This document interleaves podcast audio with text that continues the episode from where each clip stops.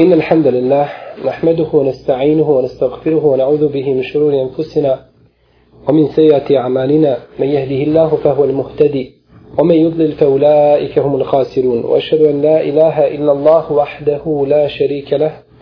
وأشهد أن محمدا عبده ونبيه ورسوله وصفيه من خلقه وخليله. أدى الأمانة وبلغ الرسالة ونصح الأمة وكشف الله عز وجل به الغمة. وجاهد في الله حق جهاده حتى أتاه اليقين. يا أيها الذين آمنوا اتقوا الله حق تقاته ولا تموتن إلا وأنتم مسلمون. يا أيها الناس اتقوا ربكم الذي خلقكم من نفس واحدة وخلق منها زوجها وبث منهما رجالا كثيرا ونساء واتقوا الله الذي تساءلون به والأرحام إن الله كان عليكم رقيبا. يا أيها الذين آمنوا اتقوا الله وقولوا قولا سديدا. يصلح لكم أعمالكم ويغفر لكم ذنوبكم. ومن يطع الله ورسوله فقد فاز فوزا عظيما. أما بعد فإن أحسن الكلام كلام الله وخير الهدي هدي محمد صلى الله عليه وسلم وشر الأمور محدثاتها. وكل محدثة بدعة وكل بدعة ضلالة وكل ضلالة في النار.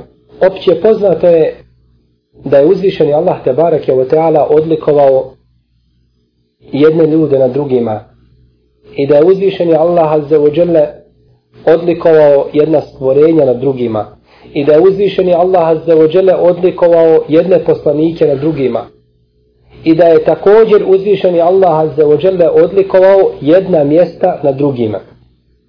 Pa su neka mjesta kod uzvišenog Allaha te barek je ta'ala posebno vrijedna i imaju veću vrijednost nego drugi dijelovi zemaljske kugle. Gledajući u kuransko-hadijske tekstove možemo zaključiti i odgovorno tvrditi da je najodabranije i najbolje mjesto i najdraže Allahu tabarake wa Teala Mekka. Mekka u kojoj se nalazi časni hram koga muslimani obilaze u vrijeme hađa i u drugim vremenima. Pa je Mekka najdraže mjesto uzvišenom Allahu te barek kako je došlo vjerodostojnim hadisima. Pa je zato svakom vjerniku Meka najdraža i draža od njegovog rodnog doma i draža od bilo kog drugog dijela zemaljske kugle. Jer je to najdraže mjesto njegovom stvoritelju Allahu te barek je oteala, pa je obaveza i njemu da mu to mjesto bude najdraže. Jer i naravno, ne podcjenjujući mjesto gdje se čovjek rodio, i onu ljubav prema svojoj domovini koja je jeli, priroda čovjek. Dakle, Mekka je odabrano mjesto. I Medina, grad Allahov poslanika sallallahu alaihi wasallam je također odabrano mjesto. I drago uzvišenom Allahu te barak je Pa Ibrahim alaihi sallam dovio za Meku, a naš poslanik Muhammed sallallahu alaihi wasallam je dovio za Medinu. Pa je Allah te barak je uslišao svojim poslanicima i jednom i drugom domu. Od odabranih mjesta kod muslimana jeste također i Šam. Šam za koga uzvišeni Allah tabaraka wa ta'ala kaže u Kur'anu سبحان الذي أسرى بعبده ليلا من المسجد الحرام إلى المسجد الأقصى الذي باركنا حوله لنريه من آياتنا إنه هو السميع البصير نكا حضالا onaj Esra koji je svoga roba prebacio u jednom dijelu noći od svetog hrama u El Mesjidu Al-Aqsa u mesjid koji se zove Al-Aqsa najdalji mesjid da bi mu pokazao ajete i dokaze. U istinu Allah Želešanu sve čuje i se vidi. Ovdje kaže uzvišeni Allah te barak je tala počinje ovaj ajet pa kaže Subhanan ladhi esra bi abdihi.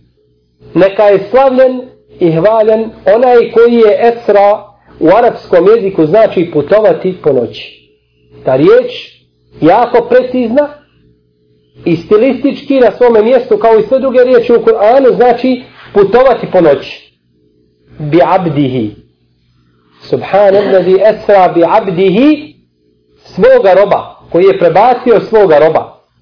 A može li biti čovjeku veća čast od toga da bude Allahov rob? Pa uzvišen je Allah te barek sala ovdje raziva poslanika sallahu sallam svojim robom. I zato mi kad kažemo wa أَنَّ مُحَمَّدًا عَبْدُهُ abduhu wa rasuluhu i svjedočimo da je Muhammed njegov rob i njegov poslanik. Što znači njegov rob? Ko će mi kazati? Njegov rob znači ne pripisujemo mu ništa od božanskih svojstava. Jer mu je rob. Jer se robu ne mogu pripisati svojstva gospodara. Pa mu ne možemo pripisati ono što su kršćani pripisali Isao a.s. Rob znači koji je koji obožava i koji ne može imati božanskih svojstava. Esra bi abdihi koji je prebacio svoga roba lejlen u jednom dijelu noći. Jedan dijelić noći. Pa je to bilo jedno brzo putovanje. Od svetog hrama u Meki do Mesidul Aksa. Čiju smo mi okolinu blagoslovili. Ovo je dokaz, znači da je jedan dio oko Mesidul Aksa, koliki tačno Allah ne zna, blagoslovljen. Ima posebnu vrijednost. Linurijehu min ajatina, da bismo mu pokazali naše ajete. Koje ajete? To što će ga Allah te barek od tala uzdignuti iznad sedam nebesa. Gdje nikada ljudska, niti džinska, niti druga noga kročila nije čak ni Melek Džibril ne može prići tome mjestu. Pratio je poslanika sallallahu alaihi sallam jedno vrijeme i nakon toga je stao. Jer su to bile sfere koje su bile zabranjene i Džibrilu alaihi sallam. Samo je naš poslanik sallallahu alaihi sallam dignut u te sfere. Kaže poslanik sallallahu alaihi sallam najteže mi je kaže bilo kaže kada su od mene mušici tražili kaže da im opišem kaže el mesridu laksa da im opišem to. Ko se sjeća? Čovjek je jedan put prošao da ode jedan put u kjavu prvi put i vidi iziđe napolje da traži neko da mu opiše. Šta je u ovome uglu? Šta je iza ovoga ugla? Kakve je boje? Ka, kakav je stup? Šta je? Ne bi čovjek mogao opisati. Ne znam kako pamćenje da ima, to je nemoguće. Kaže, kad sto da traži od mene, bilo mi je, kaže, najteže. Kako im sada? Rekao je poslanik sallallahu alaihi sallam da ga Allah te barak je od prebacio u jednom dijelu noći iz Meke u Kudus. No, međutim, kako to dokazati mušicima koji ne vjeruju Allaha te barak od tala, nego hoće materiju, hoće nešto opipljivo. Hoće da im pojasni, Allahu poslanik sallallahu alaihi wa sallam, šta je to vidio. Pa je Allah te barak od tala dao ispred njega sliku, već se. Pa je gledao u tu sliku i što ne god pitaju, prema toj slici bi im opisivao šta se dogodilo jeli, i šta je vidio te večeri poslanik sallallahu alaihi wa sallam. Iako mu je to bilo prvi put jeli, da putuje i da se susretnjeli sa Kudsom. U ovome ajetu, draga moja braća i cijenjene sestre, je jasna veza između Meke i Kudusa. Odnosno bolje kazati između Kabe i El Mesridul Aksa koji se naziva Kudusu. Jer ga je Allah te bare kratala mogao poslanika sallallahu sallam dići odavde iz Meke u nebeske sfere. Prema El Bejtul Ma'mur nebeska kjaba koja se nalazi iznad ove kjabe. No međutim nije, nego ga je prebacio u Kudus, pa ga nakon toga iz Kudusa, iz današnje Palestine, digao iznad sedam nebesa. Pa je tu je, u ome, znači ajetu je muslimanima naznaka da je El Mesjidul Aksa muslimanska neprikosnovljena zemlja koju ne smiju dozvoliti da niko uzme iz njihovi ruku. Pa je poslanik sallallahu alaihi sallam znači onda uzdignut iz El Mesjidul Aksa u više znači nebeske sfere gdje se dešavalo ono što se dešavalo što je vama poznato. El Mesčidu Aksa se nalazi u Kudusu, a Kudus je u današnjoj Palestini. A Palestina je mjesto boravka poslanika. Poslanici uglavnom prolazili kroz Palestinu i kroz Šam, kroz taj period. I uglavnom su tu dolazili poslanici i uglavnom su tu stati poslanici svojim narodima. El Mesčidu Aksa ima nekoliko odlika. Najveća odlika El Mesjidu Laksa jeste što namaz u toj džami vrijedi za 500 namaza u odnosu na druge džamije. Po jednim rivajetima, po jednim predajama. A po drugim predajama da vrijedi 250. Pa su se mu hadisi razišli koje su predaje jače. Šeheh Albani smatra da su jače predaje koje govore da se radi 250 namaza. No, međutim, neki drugi smatraju da su predaje koje govore o testo namaza da imaju jače lance prenosilaca. U svakom slučaju bilo ovo ili ono, odlika je velika. da čovjek znači klanja jedan namaz, tada mu se računa najmanje 250 jeli, namaza. Kao što se u El Mesudu Haramu jeli, računa 100.000, a u poslanikovi sallallahu alaihi sallam džami 1000, 1000 namaza. Zato je Omar radijallahu ta'ala anhu poveo vojsku da oslobodi El Mesudu Aksa. Pa kada je poslao vojsku i kada su ga oslobodili, Omer radijallahu anhu je krenuo iz Medine prema kudicu sa svojim slugom. Kako se navodi u knjigama povijesti. Pa su imali samo jednog konja koga su jahali. Pa bi jednom jahao jedan, a drugi bi išao. Pa bi se onda zamijenili. Znači na izmenice, tako da bi uvijek jedan odmarao na jahalice, a drugi bi hodao, vodio, znači jahalicu. I tako se išlo do Kudsa. Kad su došli, ulazili u Kuds, došao je red Omara da vodi, a ne da jaše. Pa je ušao u Kuds, držeći konja za povodac, a njegov sluga je jahao. A to je bilo zapisano u knjigama Ehlul Kitaba. I bilo je zapisano da će na Omeru biti 17 zakrpa. Na njegov odići da će biti 17 zakrpa. Pa je prišao jedan od njih i brojao zakrpe na Omerovom tijelu. Na Omerovoj odići. Pa je našao da ih je 17. Pa je primio islam iz tog momenta. On i drugi da će ući pravedni halifa koji će osloboditi kud da njegov sluga jaše, a on vodi. Ovo je dovoljno da shvatimo zbog čega je Allah Žešanu njima dao da vladaju sa tim muslimanskim predjelima. A zbog čega to nije dao muslimanima koji su došli nakon njih. Jer halifa koji vodi jahalicu, a da njegov sluga jaše sigurno zaslužuje da bude vladar i da vlada i sa istočnim i zapadnim dijelom zemaljske kugle. Jer će takav samo raširiti pravdu, pravdu po zemlji. Šam obuhvata nekoliko zemalja. Obuhvata Palestinu, Jordan, Siriju, Libanon i jedan dio Iraka. To je ono što je poznato kod istoričara kao Šam. Kao Šam. Kroz Šam su prolazili brojni islamski učenjaci. Mufesiri, muhaddisi, istoričari, fakihi, pravnici i brojni drugi.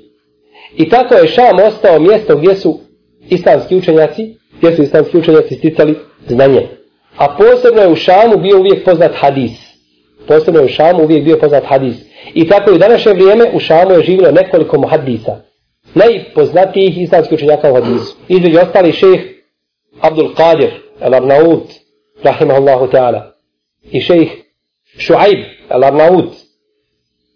I sigurno jedan od pečata muhaddisa koji su živjeli u ovo vrijeme, a to je bio Ebu Abdirrahman, Nasiruddin, Muhammed ibn Nuh, An-Najati al-Arnaut al-Albani, poznat kao šejh al-Albani, koji je sigurno imao veliki doprinos hadisu i hadiskoj nauci kao i njegova dvojica jeli, prijatelja učenjaka a svi su porijeklom bili iz, znači, iz današnje Albanije.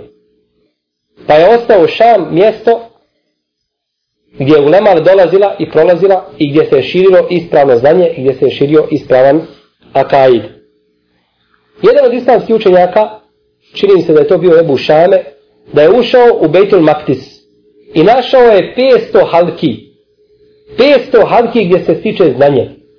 Pa je rekao kad je to vidio, kaže, matetil himem. Rekao je nema više volje umrla je volja.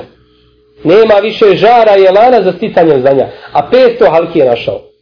A danas u kudicu možda nema ni jedne halke šta onda kazati za naše vrijeme a on je rekao za 500 halki da je umro znanje i da nema više žara i volje za sticanjem šarijetskog znanja ako pogledamo u hadise poslanika sallallahu alaihi wasallam vidjet ćemo skupinu hadisa koji govore o vrijednostima Šama, u kojima poslanik sallallahu alaihi wasallam ukazuje na vrijednost ove Mubarek zemlje i ovoga Mubarek predjela.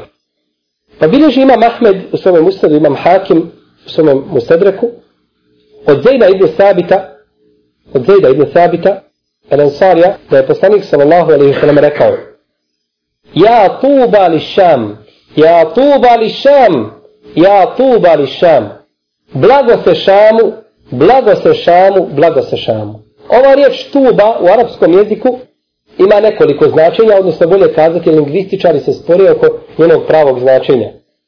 Pa jedni kažu tuba znači blago se ili bušra, lijepa i radosna vijest, obradovanje. Drugi kažu tuba je drvo u džennetu. Treći kažu tuba je jedno posebno mjesto u džennetu i slično tome. Znači na razne načine to tepsire, sve se to ovaj slijeva u isti kalup. Sve se to slijeva u isti kalup, znači da im je veliki hajr od njihovog gospodara te barake o teala. Ovdje kada poslanik sallallahu sallam kaže tuba li šam, blago se šamu. Misli li to blago se zemlji? Ne misli, nego se misli, kako je došlo u drugoj predaji, tuba li ehli šam, blago se stanovnicima šama. Jer kako je rekao Selman, El Farisija, kako bilježi imam Malik u svome Muotau, kaže čovjeka ne izdiže ga njegova zemlja u kojoj je rođen, niti ga čini častnim zemlja u kojoj se rodio, već ga kaže izdižu i čine ga častim njegova djela koja čini. Pa kako je čovjek boje i gdje je rođen i kakvo državljanstvo nosi i kakvog je porijekla, to kod Allaha te barek kod nema nikakve vrijednosti. Nego je vrijednost u dijelima koja čini i biva gledan i vagan kroz prizmu dijela koja je činio, ništa drugo. Pa su dijela ta koja izdižu čovjeka, a nije znači zemlja u kojoj se, u kojoj se rodio. Ne samo to, ponosti se sa porodom je džahilijetska stvar. Ništa drugo. Kaže Salman al-Farisija jedne prilike kada su ga pitali i spominjali svoje petke, pa su rekli, govorili ja sam sin toga, sin toga, sin toga, hvali se svojim predcima. Pa su pitali Salmana, čiji si ti sin od Salmane? Pa je kazao, ja sam sin Islama. Ako sam kaže dobar, onda sam kaže kod Allaha dobar. A ako sam kaže prezren, kod Allaha kaže ne nema nikakve vrijednosti. Kaže, zar ne znate da je bio poslanik prije vas, pa da je sjedio, da sjedili ljudi hvalili se svojim predsima, pa da je jedan od njih spomenuo deset svojih predaka. Devet i on deseti. Pa je rekao, Sada me Falisija kaže, pa Allah te barak kada objavio poslaniku njihovom u to vrijeme, kaže, recimo spomenuo si deset svojih predaka, ili devet, kaže, svi su u vatri, ti si deseti sad ima u vatri. Svi deset. Nema koristi nikakve. Predci ne znači ništa. Naročito ako nisu valjali i ako nisu bili dobri, neće znači to kod Allaha te bara tala ništa koristi. Pa kaže ovdje poslanik sallallahu alaihi wa sallame, tuba li ehli šam, blagoste stanovnicima šama, neka prostiru svoja krila milosti i krila rahmeta iznad šama. Ovaj hadis su vjerodostojnim ocijenili imam Hakim i Zehebi i El Munziri, a dobrim ga smatra imam Tirmizi rahimallahu al-džemije. U predaji Abdullaha ibn Hawale, koju bileži imam Ahmed i Hakim Ebu Davud, i koju vjerodostavno smatra imam al-Hakim je Zahabi i šeha Albani, kaže, rekao je poslanik sallallahu alaihi wa sallame, ستجندون أجنادا جندا بالشام وجندا بالعراق وجندا باليمن عليكم بالشام فإن الله عز وجل قد تكفل لي bi šami u ehli. Rekao je, poslanik sallallahu alaihi ve selleme, vi ćete opremiti nekoliko vojski. Vojsku u Šamu, i vojsku u Iraku, i vojsku u Jemenu. Pa držite se Šama. Jer mi je uzvišeni Allah te barake o teala garantovao za stanovnike Šama, za Šam i za stanovnike Šama. Opremit ćete vojske, Pa prvu vojsku koju poslanik sallallahu alejhi ve sellem spominje jeste u Šamu. Ukazuje na druge dvije, koja će jedna u Iraku, a druga u Jemenu. No međutim kaže nama držite se te u Šamu. Držite se te u Šamu. Zašto? Zato kaže što mi je Allah garantovao za Šam i za stanovnike Šama. Garantovao je znači za svaki hajr da će se naći u Šamu i u stanovnicima i u stanovnicima Šama. U drugoj predaji, u drugom rivajetu, u drugoj verziji ovoga hadisa, kada je Abdullah ibn Havale pitao poslanika, sallallahu alaihi wasallame, kaže, o Allahu poslaniće, odredi mi, kaže, zemlju u kojoj će živjeti nakon tebe. Daj mi gdje će živjeti. Kaži mi, gdje bi ti najvolio da ja živim. I gdje će za mene najveći hajr biti da živim. Pa mu je rekao poslanik, sallallahu alaihi wasallame, tri puta, alejke bi šam. Držite, kaže, šama. Tri puta mu ponovio drži se Šama. Nije mu rekao ni Medina ni Meka. Što ne znači da je Šam vredniji od Medine i Mekke. Ne nikako. Ali vidimo iz ovoga hadisa jasno ako poslanik sallallahu alejhi ve nešto savjetuje svome ashabu i daje mu nekakvo upustvo i nekakav nasihat, da je to sigurno vrijedno. A to je znači boravak, a to je boravak u Šamu. I u trećoj verziji hadisa koja ispunjava Buharine i Muslimove uvjete, koji bilježi imame Tirmizi i imam Ahmed, stoji da je poslanik sallallahu alejhi ve sellem rekao izići će kaže vatra iz Hadrameuta iz južnog dijela dole džezire pa su pitali šta da radimo Allahu poslanice kaže držite se kaže Šama sallallahu alaihi wa alihi wa sellem i bilježi imam Hakim i Ebu u svome dijelu Hiljetu Leulija, sa lancem prenoslaca za koga imam El Hakim i Zehebi i Šejh Albani kažu da je vjerodostojan, da je poslanik sallallahu alaihi wa sallam rekao Ela innel imana iza waqa'atil fitanu bis sham. U istinu kaže kada se dese neredi i smutnje i fitneti iman će kaže tada biti u Šamu. Kada se dese neredi na zemlji i fitneti koji će nastupiti u kojima nas je obavijestio naš poslanik sallallahu alaihi ve i neminovno je da dođu, kaže tada će iman biti u Šamu. Tada će iman biti u Šamu. Kao što se navodi u drugim hadisima da će se iman skrivati u Mekki i Medini kao što se zmija sakriva u svoju rupu. Tako će se uvući iman, nigdje da ga neće biti nego u Mekki i u Medini. Pa molimo Allaha te barek da nas učini u to vrijeme od stanovnika Mekke i Medine. Ovdje kaže poslanik sallallahu alejhi ve govori o jednom drugom vremenu, a to je kada nastupe neredi. Ovo vrijeme Mekke i Medine Allah najbolje zna biće kada ljudi odu od Islama, kada se ne bude znalo za Islam, kada Islam bude potpuno garib i potpuno stran, tada će se kriti Islam u ova dva grada. Ali ovdje u Šamu će se kriti kada nastupe fitnet i neredi, velike smutnje na zemlji kada dođu, e tada će se iman sakrivati, odnosno stanovnici imana, to jeste muslimani, sakrivat će se jeli, u, u Šamu. U jednom hadisu koga bilježi imam Ahmed u svome musnedu kaže se da je poslanik sallallahu alaihi sallam rekao لا تزال طائفة من أمتي ظاهرين على الحق لا يضرهم من خذلهم ولا من خالفهم حتى يأتي أمر الله kaže uvijek će biti jedna skupina od moga umeta na istini na haku neće im smetati oni koji im se suprostavljaju i koji se protiv njih bore sve dok ne dođe Allahova odredba ovaj dio hadisa bileže Buharija i Muslim i on je vjerodostojan bez sumnje No međutim nas zanima gdje je ova skupina. Biće jedna skupina na istini. Gdje je ta skupina? U hadisu, u predaji ili u verziji kod imama Ahmeda se kaže da su ashabi pitali Ejne hum ja Rasulallah Kaže gdje su oni Allahu poslaniče? Gdje je ta skupina? Pa je rekao poslanik sallallahu alaihi wa sallame bi hum fi bejtil maktis u aknafi bejtil maktis. Ili hum bi bejtil maktis u aknafi bejtil maktis. Kaže oni su u kudcu i okolo kudca. Ta skupina koja će ostati na istini, ona je u kudcu i okolo kudca. No međutim, rivajet kod imama Ahmeda ima u svome lancu preoslata Mahanu. Ima Mahanu, pa se ne može tek tako on sam za sebe prihvatiti. Ali imaju druge predaje koje ukazuju da bi ova predaja mogla biti, njeno značenje da moglo biti ispravno. Kao rivajet koga bilježi imam Tirmizi ibn Mađe, imam Ahmed i koga vjerodostavim smatra imam Tirmizi, da je poslanik sallallahu alaihi wasallam rekao u hadisu Muavije, da je poslanik sallallahu alaihi wasallam rekao Ida tesede ehlu šami tela hajre fikum. Kad se pokvare stanovnici šama, u vama nema nikakvog dobra. Pogledajte mizana i vage koji je postavio poslanik sallallahu sallam. Kad se pokvare stanovnici šama, nema u umetu poslanika sallallahu sallam nikakvog dobra. Pa nakon toga nastavlja poslanik sallallahu alejhi ve nakon ovoga općeg pravila, pa kaže la tazalu ta'ifatu min ummati zahirin ala al-haq i hadis koga sam spomenuo. Ostaće uvijek, kaže, jedna skupina od moga umeta na istini, neće im smetati i do kraja hadisa koga sam citirao. Šta zaključujemo iz ove predaje? Nema, ako se pokvare stranici šama, nema u ovom nikakvog dobra. A vamo kaže, ostaće jedna skupina šta? Na istini. Što kaže da je ta skupina ko?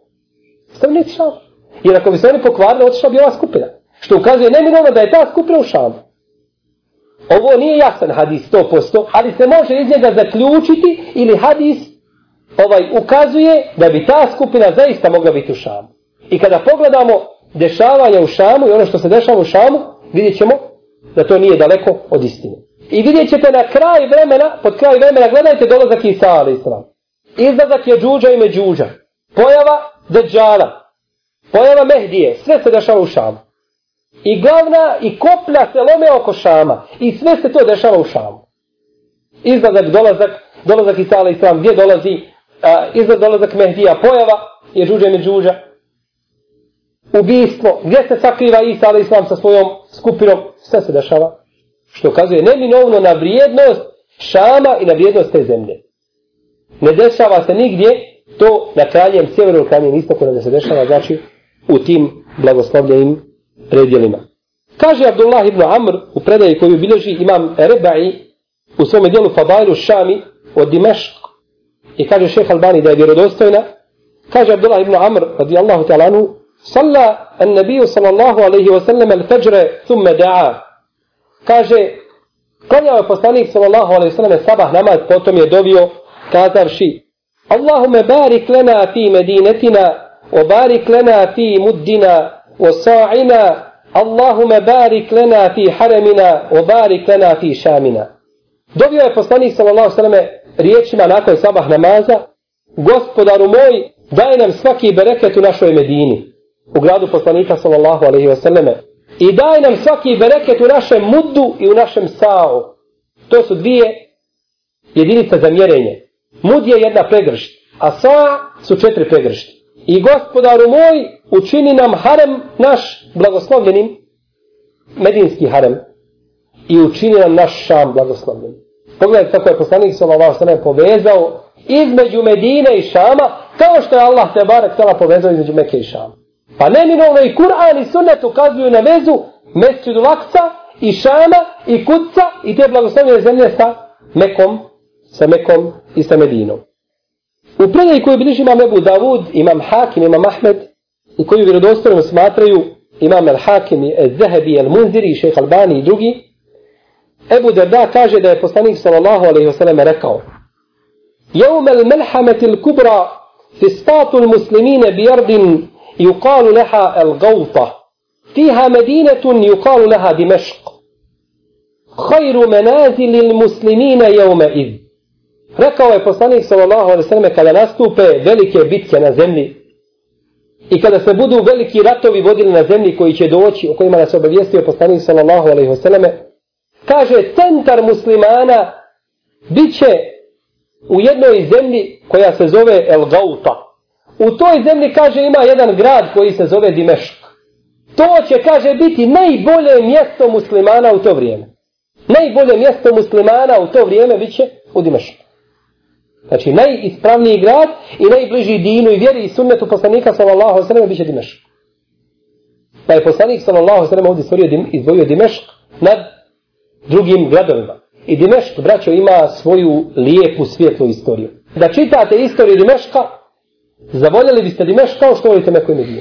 Ili da kažemo približno tome. Ibn Asakir ima dijelo koje se zove Tarihu Dimešk. Povijest Dimeška, koja je štampana u 80 tomova. 80 tomova je štampana ta knjiga.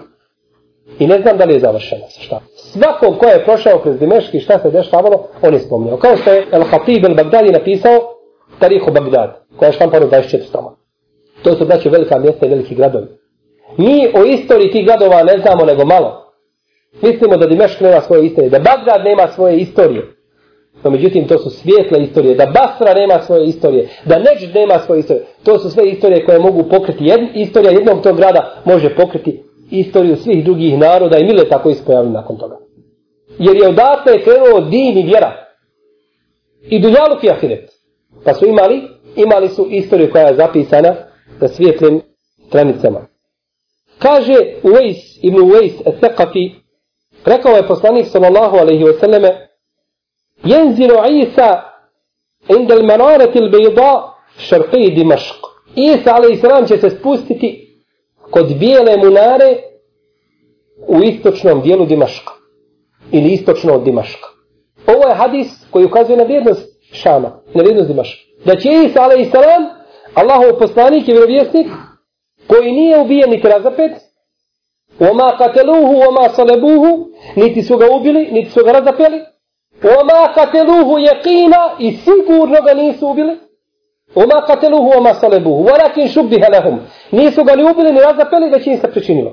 I kaže Allah te bar kala na kraju ajta. Oma kateluhu je kina i sigurno ga nisu ubili. Bar rafahu Allahu ilaihi. Već ga je Allah sebi uzdignuo. Već ga Allah sebi uzdignuo. Pa je znači Dimešk mjesto gdje će doći Isa alaih I to je akajdi ahlu sunnata od džemata. Da će se Isa alaih pojaviti وَمَا مِنْ أَهْلِ الْكِتَابِ إِلَّا لَيُؤْمِنَنَّ بِهِ قَبْلَ مَوْتِهِ I nema ni jednog sledbenika knjige da neće u njega povjerovati prije smrti njegove. U Isa a.s. Pa je akajd ahlu sunnata od džemata da će se Isa a.s. pojaviti. I na to ukazuje Kur'an, ukazuje, ne jasno, ali ukazuje I o tome se navode hadis koji su mutevatir. Kod imama muslima imate cijelo poglavlje. A kod imama Buharije imate dva hadisa od dolazku Isa a.s. I zato oni koji kažu kod Buharije nema hadisa o Isa a.s. to nije ispravno. Imaju dva hadisa o dolazku Isa a.s. Pa znači iz ovoga hadisa vidimo kolika je vrijednost Šama i kolika je vrijednost Dimeška. U predaji koju bilježi imam Ahmed, Ibn Mađe, imam Hakim, i koji dobrom smatra šeheh Albani, Ebu Hrvede kaže da je poslanik sallallahu alaihi wa sallam rekao Iza wakatil melahimu ba'ata Allahu min Dimeška bi'atan hum akramu العرب فرسا wa ajwaduhum يؤيد yu'ayidu Allahu الدين din. Kaže kada nastupe velike bitke i kada nastupe ratovi koji će se pojaviti na zemlji, Allah će poslati iz Dimaška jednu skupinu, to će biti najbolji Arapi, koji će posjedovati najbolje konje i imat će najbolje oružje. Što nam ukazuje da će da će Arapi biti ti koji će uvijek braniti vjeru. I koji će stojati na bedemu branjenja vjeru. I nemoguće je, braćo moja, sjenjene sestre, da nam dođe bilo kakav hajr da da Arapa. Možemo o Arapima govoriti šta hoćemo i kako hoćemo. Ali ovome umetu znajte da neće hajr doći svemu da Arapa. To je nemoguće. Neće nikad hajr umetu doći iz Evrope niti iz Amerike. Onaj pravi hajr, nego će im doći od Arapa. Jer je tu počelo i tu će se završavati. Vidite da sve što govori, da se vrti oko Arapa i da se vrti oko njih. Što ne znači ako Arapi jedno vrijeme upadu u svoju slabost, da to znači da nemaju nikakve vrijednosti. Možda jedna generacija nije u redu, možda će druga biti bolja od nje. No međutim, bit će od Arapa. Jer je poslanik sallallahu alejhi ve sellem bio od Arapa i njegovi ashabi su bili Arapi većinom koji širu dini vjeru pa će se tako i završiti. Što ne znači da ne može neko mimo Arapa donijeti hajri dobro dinu, nikako, može. I te kako? Salman al-Farisija nije bio Arap, ni Bilal Habeša nisu bili Arapi. A šta su činili za islam? Ali govorimo globalno, govorimo globalno da je to za očekivati od Arapa. Doći će, kaže, Arapi koji će imati najbolje, najbolje će konje imati i imat će najbolje oružje. Što nam ukazuje, bar indirektno, da će se pod kraj vremena voditi ratovi onako kako se je to vodilo u prvo vrijeme. Sa strelama, sa konjima, da neće više biti aviona, da više neće biti ove tehnike koja je napravljena da uništila muslimane i islam. Ovo se može zaključiti iz predaja. Može se zaključiti iz predaja jer se spominju sablje i kople i tako dalje. A može se isto tako kazati da je poslanik sallallahu sallam time htio ukazati ne na vrstu oružja, nego samo da se ukaže na oružje. Pa se nije moglo ashabima govoriti o nečemu što ne poznaju.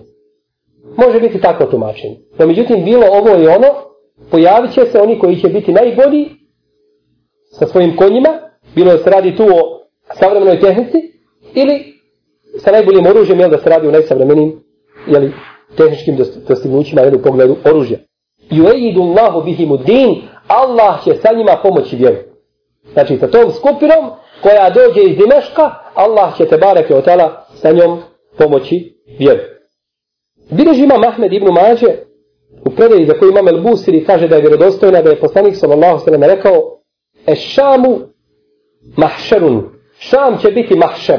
Mahšer je žena gdje će ljudi biti proživljani, gdje će ljudi izlaziti ka mahšeru.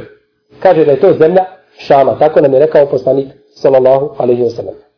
Iz ovih hadisa koje smo citirali, ovo je samo jedna skupina hadisa koji ima sigurno još Imate hadise u kojima se spominje Amman el-Balqa, glavni grad današnjeg Jordana, i drugi gradovi kojima se spominju ti gradovi u hadisima poslanika sallallahu alaihi wa sallam. No, međutim, kroz ovo što smo govorili, htio sam samo da ukažem na vrijednost Šama i na vrijednost te blagoslovljene zemlje koju Allah te barak dala blagoslovio u Kur'anu. I na čiju vrijednost ukazao poslanik sallallahu alaihi wa sallam. Tako da je ponekad čovjeku, ako mu se ukaže prilika lijepo da ode u ove zemlje i da posjeti znamenja koja se nalaze znači u ovim zemljama i da vidi te blagoslovljene predjele i onaj ko je živio u tim mjestima osjetio je bereket na svojoj koži. U istinu bereket se osjeti, bereket tih predjela se osjeti tamo kada čovjek živi, osjeti bereket tih predjela. I bereket njihovih plodova koji imaju i bereket svega onoga što se nalazi u tim zemljama. I zato je za očekivati inša Allah da će Allah te bar iz tih predjela pomoći svoju vjeru kao što je pomogao i prvi put. Pa molim uzvišenog Allaha te barek tala da nas učini od onih koji će vidjeti ili živjeti u Šamu i da nas pomogne i da nam dadne snage i kuveta da budemo sa onima koji će se boriti za Allahu te barek tala vjeru u tim vremenima. اللهم اغفر لنا ذنوبنا وإسرافنا في أمرنا وثبت أقدامنا وانصرنا على القوم الكافرين اللهم لا تجعل الدنيا أكبر همنا ولا مبلغ علمنا ولا تسلط علينا بذنوبنا من لا يخافك فينا ولا يرحمنا. صلى الله على نبينا محمد وعلى آله وأصحابه أجمعين. جزاكم الله خير.